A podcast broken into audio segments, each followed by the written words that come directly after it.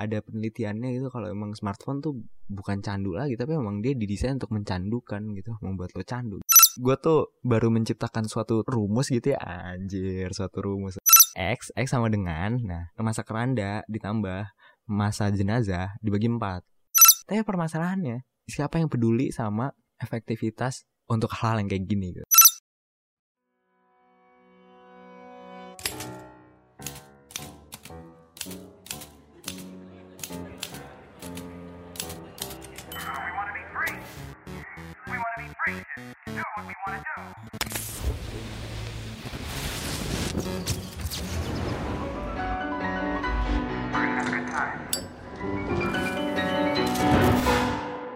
You're listening to Podcast Pecah.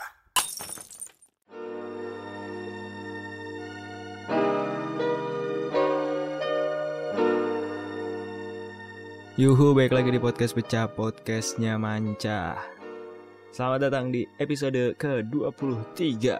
Yo, buat yang baru mendengar, cek selalu gitu mulu bukaannya. Ya gue nggak tahu karena mungkin ada orang yang baru dengar apa segala macam.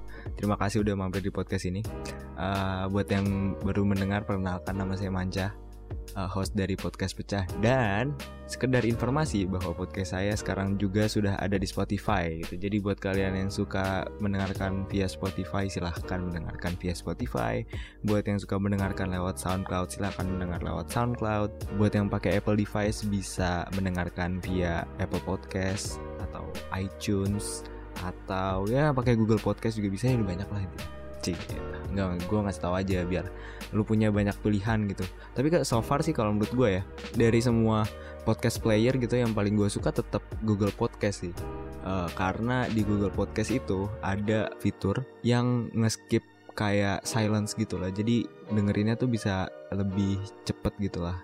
Jadi ya enak lah. Uh, apa ya? Gue nggak tahu nih gue mau gimana ya. Uh, maksud gue jadi gini uh, sebenarnya minggu ini tuh gue udah ada bahasan gitu. Nah bahasan itu tuh dari orang yang nge-DM gue lewat Twitter gitu. Tapi uh, karena kejadian tadi sore nih gue jadi mengurunkan niat untuk membahas itu. Jadi kayak gue tahan dulu ya. Btw gue terima kasih banget buat orang-orang yang kayak gitu ya yang yang maksudnya yang mau nge-reach gue gitu loh sosial media yang udah mau membuang kuotanya gitu nge-follow gue nge-DM apa segala macam atau orang yang email gue buat kalian yang kayak begitu gue sangat-sangat berterima kasih uh, salut apresiasi setinggi tingginya karena iya ya lah gue siapa sih? gitu. Lo mau mau kayak gitu sama gue uh, tapi uh, gue selalu senang gitu kalau misalnya ada orang kayak gitu. Sangat membahagiakan. Uh, again thank you.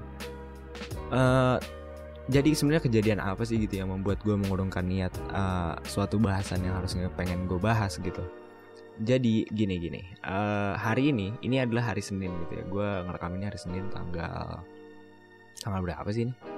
Tanggal 23 Juli gitu. Uh, tadi sore gue tuh ada jadwal bimbingan gitu. Nah buat yang belum tahu gue tuh masih skripsian ya tahun terakhir. Uh, gue ada ada jadwal bimbingan. Nah kalau dosen gue ini dia tuh tipenya tuh yang kayak rapi gitu teratur. Jadi gue tuh kalau mau bimbingan sama dia gue mesti nge WA minggu sebelumnya karena bisa dapetnya tuh minggu depannya nggak mungkin bisa dapet minggu itu juga atau hari. Pokoknya dia nggak bisa dadakan lah tipe dosen yang kayak gitu lah nggak bisa dadakan. Jadi ya udah gue udah nge WA dia minggu lalu terus dia balas uh, nanti uh, hari Senin hari ini which is tanggal 23 gue dapet jadwalnya jam setengah lima sore.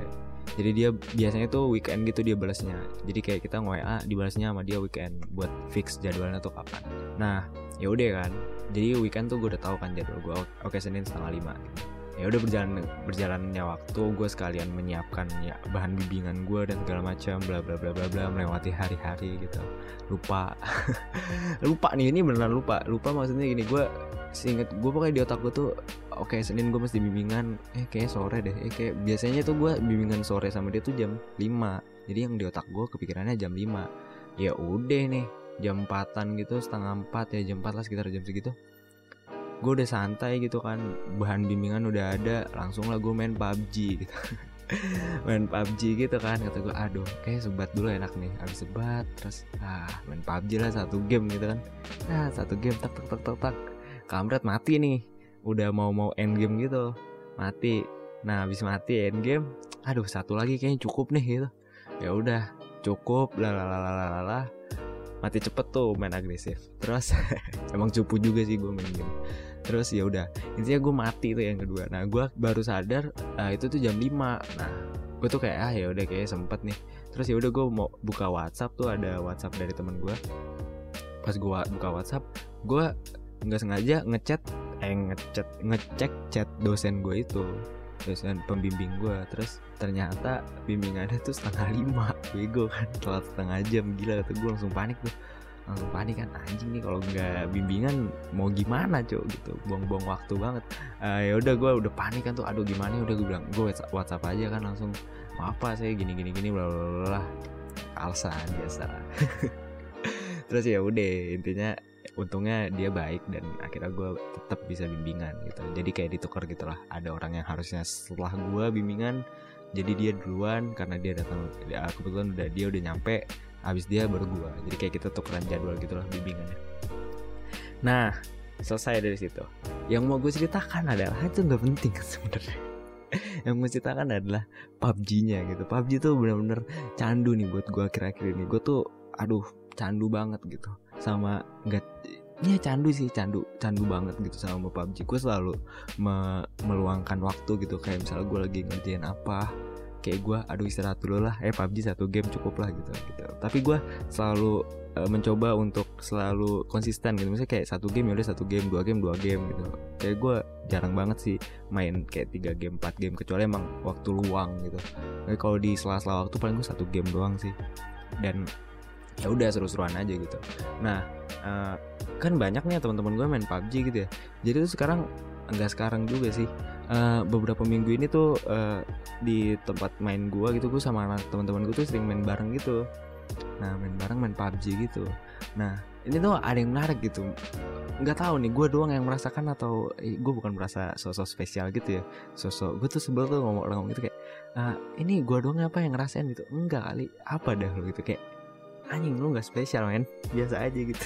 Tapi gue juga ngomong itu tapi dia lu paham lah maksudnya. Maksudnya gini dengan adanya main PUBG barengan kayak gitu tuh itu tuh menurut gue uh, apa ya ini jalan tengah gitu. Jalan tengah nih antara narasi teknologi bukan teknologi lebih spesifik narasi yang bilang bahwa smartphone tuh bikin uh, lo ansos gitu. Tapi dengan adanya PUBG ini menurut gue bisa bikin itu menjadi tengah-tengah gitu emang sih bisa gue setuju gitu tentang smartphone tuh bisa bikin lo ansos tapi menurut gue dengan adanya game gitu. Contoh dalam konteks ini PUBG gitu lo bisa mabar main bareng tawa-tawa woi ini 105 woi lalalala berisik lah. Ya lo intinya main game gitu yang bareng-bareng. Itu tuh menurut gue jadi tengah-tengah yang sampai sekarang tuh gue nggak tahu lagi nih tengah-tengah yang paling ideal tuh apa selain main game bareng gitu.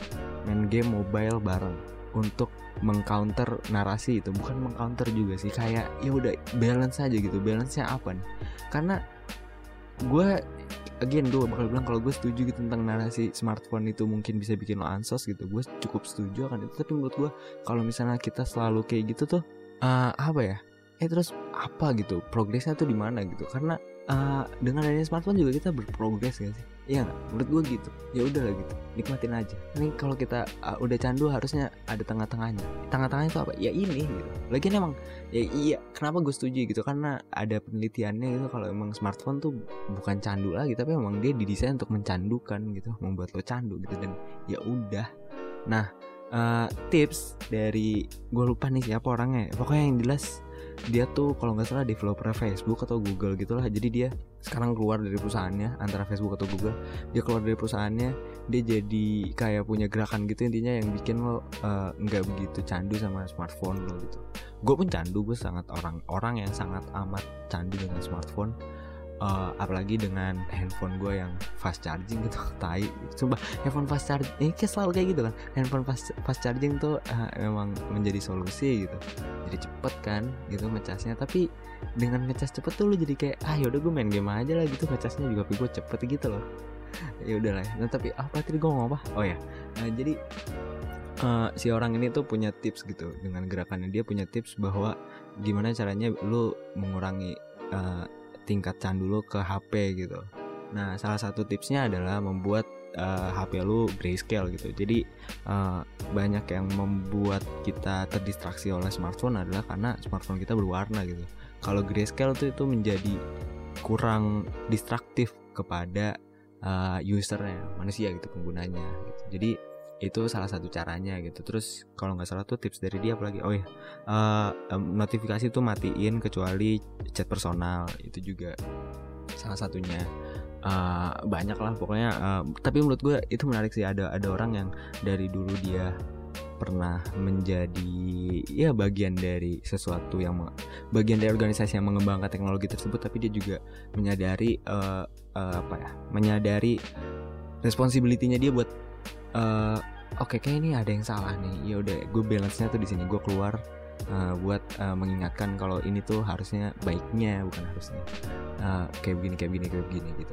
Gue gue ikut orang-orang yang kayak gitu yang selalu finding the balance between ini dan itu gitu. Tapi dengan purpose yang jelas dengan Iya yeah, hal-hal yang kayak gitu gue suka. Orang-orang kayak gitu nice. Good job man. Kalau nggak salah dia cowok cowok singkat gue uh, ya udah jadi gitu. Uh, intinya adalah menurut gue kalau ada narasi tentang smartphone yang bikin lo kecanduan uh, coba main game lagi jadi lo nyur gue nyuruh kalian nih buat main game gitu. Siapa tahu kalian jadi sama-sama candu kayak gue aduh aduh.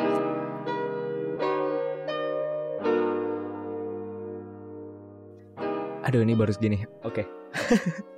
Gue bahas apa lagi ya? Oh ya jadi gini gue tuh baru menciptakan suatu rumus gitu ya. Anjir suatu rumus. Enggak enggak. Enggak suatu rumus juga sih. Jadi gini uh, ini udah enggak eh, lepas dari masalah tadi ya. Masalah apa kecanduan PUBG apa segala macam bla bla bla bla bla. Uh, kemarin kemarin beberapa waktu yang lalu gitulah pokoknya. Itu tuh ada ada hal yang lagi viral yaitu tentang Ustadz Hanan Ataki gitu ya Ustadz Hanan Ataki yang bilang kalau misalnya cewek wanita wanita soleha itu ya yang berat badannya eh, nggak uh, lebih dari 55 kg alasannya kalau berdasarkan video yang gue tonton yang dia ngomong itu dia tuh bilang kalau uh, istrinya Rasulullah Aisyah gitu dia tuh uh, beratnya kurang lebih segitu. Nah cara ngukurnya waktu itu kalau berdasarkan videonya Ustadz itu uh, ngukurnya itu kenapa Aisyah bisa tahu nih Aisyah 55 kg karena waktu dia meninggal dan diangkat tuh. Nah itu tuh uh, beratnya itu nggak lebih berat daripada keranda yang dipakai gitu cuy. Keranda yang dipakai itu lebih justru lebih berat daripada si Aisyahnya itu sendiri. Nah dari situ kan uh, itu kan kayak berarti harusnya dia kurang lebih beratnya sama lah sama si kerandanya itu. Makanya muncullah 55 kg itu. Again ini berdasarkan uh, siraman rohani Ustadz Hanan Ataki gitu ya. Tapi gue sih nggak masalahin apa ya aduh cewek-cewek nih yang gendut berarti nggak ini dong nggak itu dong bla bla bla bla bla. Anjing gue sih nggak peduli sama gituan man yang gue peduli adalah bukan peduli juga sih yang gue penasaran. Yang gue penasaran adalah keranda yang kayak gimana tuh yang beratnya 55 kg gitu. Karena singkat gue nih itu tuh aduh men gue tuh pas kecil tuh pesantren kilat gue mainannya keranda sama teman-teman gue dan itu tuh enteng-enteng aja. Oke itu kan keranda zaman sekarang gitu. Mungkin keranda zaman dulu beda. Apalagi sana di Arab gitu orangnya gede-gede gitu. Kagak kayak di Indo kan ya mungkin beda gitu. Nah gue penasaran gitu bentuknya tuh kayak apa gitu. Karena uh, gue lihat nih anjing gue gue inget banget tuh gue sampai uh, buka tokopedia anjir. Gue pengen kepo aja gitu gue nggak mungkin kan ngukur berat beratnya. Mungkin mungkin aja tapi gue mager gitu. Mending gue cek aja Tokopedia gitu berat keranda tuh berapa sih? Berat keranda tuh gue cek di Tokopedia tuh ongkirnya tuh 23 kilo cuy. Ya berarti kurang lebih beratnya segitulah 23 kiloan. Men 23 kilo gitu. Berarti kan tuh keranda yang zaman dulu tuh dua kali lipatnya gitu anjing. Bentuknya tuh bakal kayak gimana gitu gue penasaran aja sih. Yang menariknya lagi kenapa gue bisa bilang tadi gue menciptakan suatu teori? Eh rumus.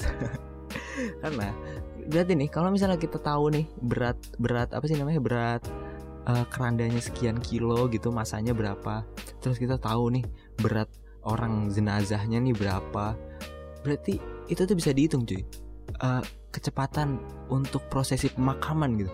Nih ya kalau buat yang nggak tahu nih orang muslim nih kalau dimakamin tuh ya udah dia dimandiin dari rumah rumah duka abis itu disolatin disolatin biasanya di masjid terdekat habis masjid terdekat balik baru di uh, kubur gitu. Nah kalau misalnya kita bisa ngitung nih uh, koefisiennya berapa nih angka-angka kira-kiranya berapa itu tuh bisa tahu tuh efektivitasnya berapa gitu nah rumusnya nih x x itu adalah efektivitas waktu tempuh prosesi itu tuh. Prosesi dari uh, dari selesai mandi ke masjid dan dari setelah masjid ke itu ke tempat dia dikubur gitu. Ataupun kayak gimana lah. Intinya jadi uh, itu x ya. Anjing gue kayak guru. Tapi yaudah ya ini bercandaan kok bercandaan kok ya jangan ada yang serius. Jadi ini X X sama dengan nah masa keranda ditambah masa jenazah dibagi empat. Dalam kurung tuh itu dalam kurung tuh kenapa dibagi empat? Karena keranda itu kan yang ngangkat empat orang nah dibagi empat kan. Bagi empat dikali y. Y nya adalah kecepatan rata-rata langkah manusia gitu.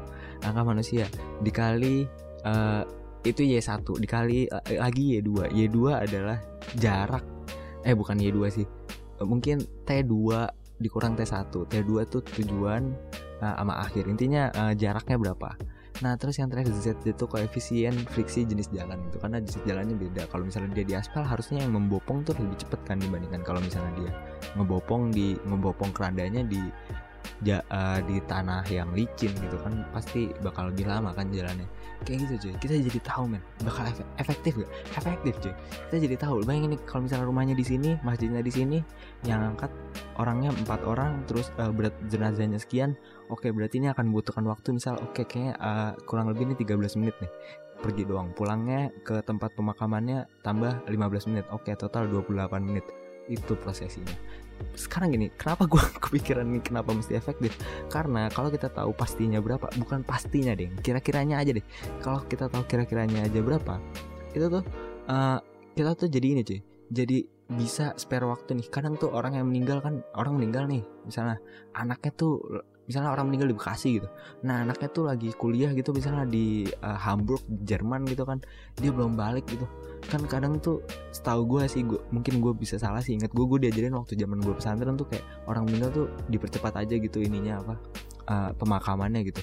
Nah kalau misalnya dia mau nunggu tuh gimana gitu kan? Kalau misalnya efektif kita tahu nih paling nggak ya udah maksimal kita nunggu segini segala macemnya bla bla bla bla bla jadi efektif semuanya cuy paling nggak kita tetap menghargai dia sebagai jenazah dan kita pun menghargai saudara-saudaranya atau anak kandungnya atau siapa pun yang memang untuk datang ke rumah duka dan ya berdoa uh, gitu untuk untuk si uh, jenazahnya ini gitu.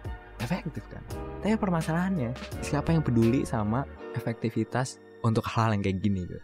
Kalau efektivitas hal-hal kayak gini dipeduliin mah ya elah nih bumi nih nggak mungkin nih ada uh, apa namanya uh, global warming gitu. Karena kita udah peduli sama hal efektif se sekecil ini efektivitasnya kayak gimana gitu.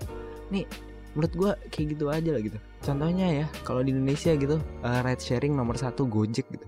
Gojek nih mainnya nih masih gope gitu. Kalau di luar negeri ride sharing Uber mainnya udah autonomous car cuy udah sedetail itu cuy. Sekarang apa yang mau gue sampaikan? Yang gue sampaikan adalah kalau kita belum bisa mem, me, apa ya kita bukan kita sih. Ya mungkin secara society secara umum gitu society secara umum belum masuk nih belum nyampe belum nyampe di tahap memperhatikan yang hal-hal yang detail itu tuh emang kita masih cupu aja gitu. Memang belum waktunya gitu. Jadi ya udah gitu. Kalau yang kayak gini-gini nggak apa-apa dibahas secara teoritis ya diperdebatkan gak apa-apa. Tapi yang penting yang dasar-dasarnya nih cukup dulu gitu ya yang yang yang nggak yang nggak sedetail ini gitu. Ini kan detail banget nih tentang efektivitas uh, waktu tempuh prosesi pemakaman gitu. Ya, ntar dulu gitu. Yang pentingnya dulu. Nah tapi yang yang hal-hal kecil kayak gini remeh temeh mungkin ya hal-hal yang kayak gini remeh temeh uh, itu tuh dipersiapkan aja gitu. Nanti kalau udah ada waktunya kita ke sana kita udah tahu gitu. Menurut gue yang kayak gitu-gitu tuh yang gak pernah dibahas. Ya gak? anjing bacot banget. Udah lah. Udah kayak gitu aja men. Uh, nggak penting ya yang episode ini. Ya udah mau gimana? Mohon maaf. Tapi mungkin nggak uh, mungkin sih. Maksudnya ya minggu depan gue akan membahas uh, suatu bahasan yang kayak bakal menarik gitu. Ini dari orang dari DM yang nge DM gue di Twitter. Uh, ya udah mau tahu kayak gimana ya dengerin minggu depan uh, tapi buat kalian yang mendengarkan sampai akhir ini terima kasih. Terima kasih telah mendengarkan uh, again ini semua bercandaan.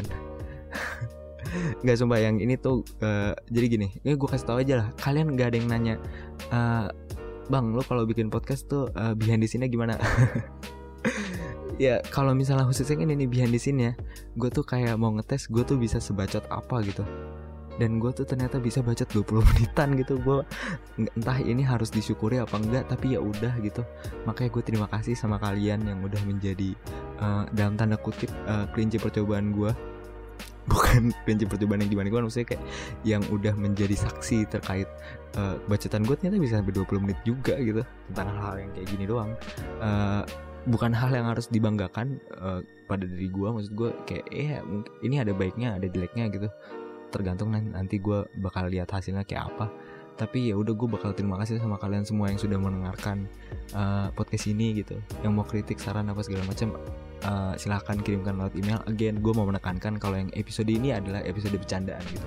Gue mau tahu sejauh apa gue uh, bisa ngebacot gitu lah intinya kayak gitu ya. Kalau ada yang salah uh, ya terserah lu mau lu apain itu mau lu debatin apa segala macem terserah. Kalau ada yang bener eh bukan bener sih yang bisa lo ambil gitu hikmahnya ya silahkan juga gitu. Jadi kayak gitu aja buat minggu ini. Terima kasih uh, sampai ketemu minggu depan dan seru gak seru pecahin aja. Deh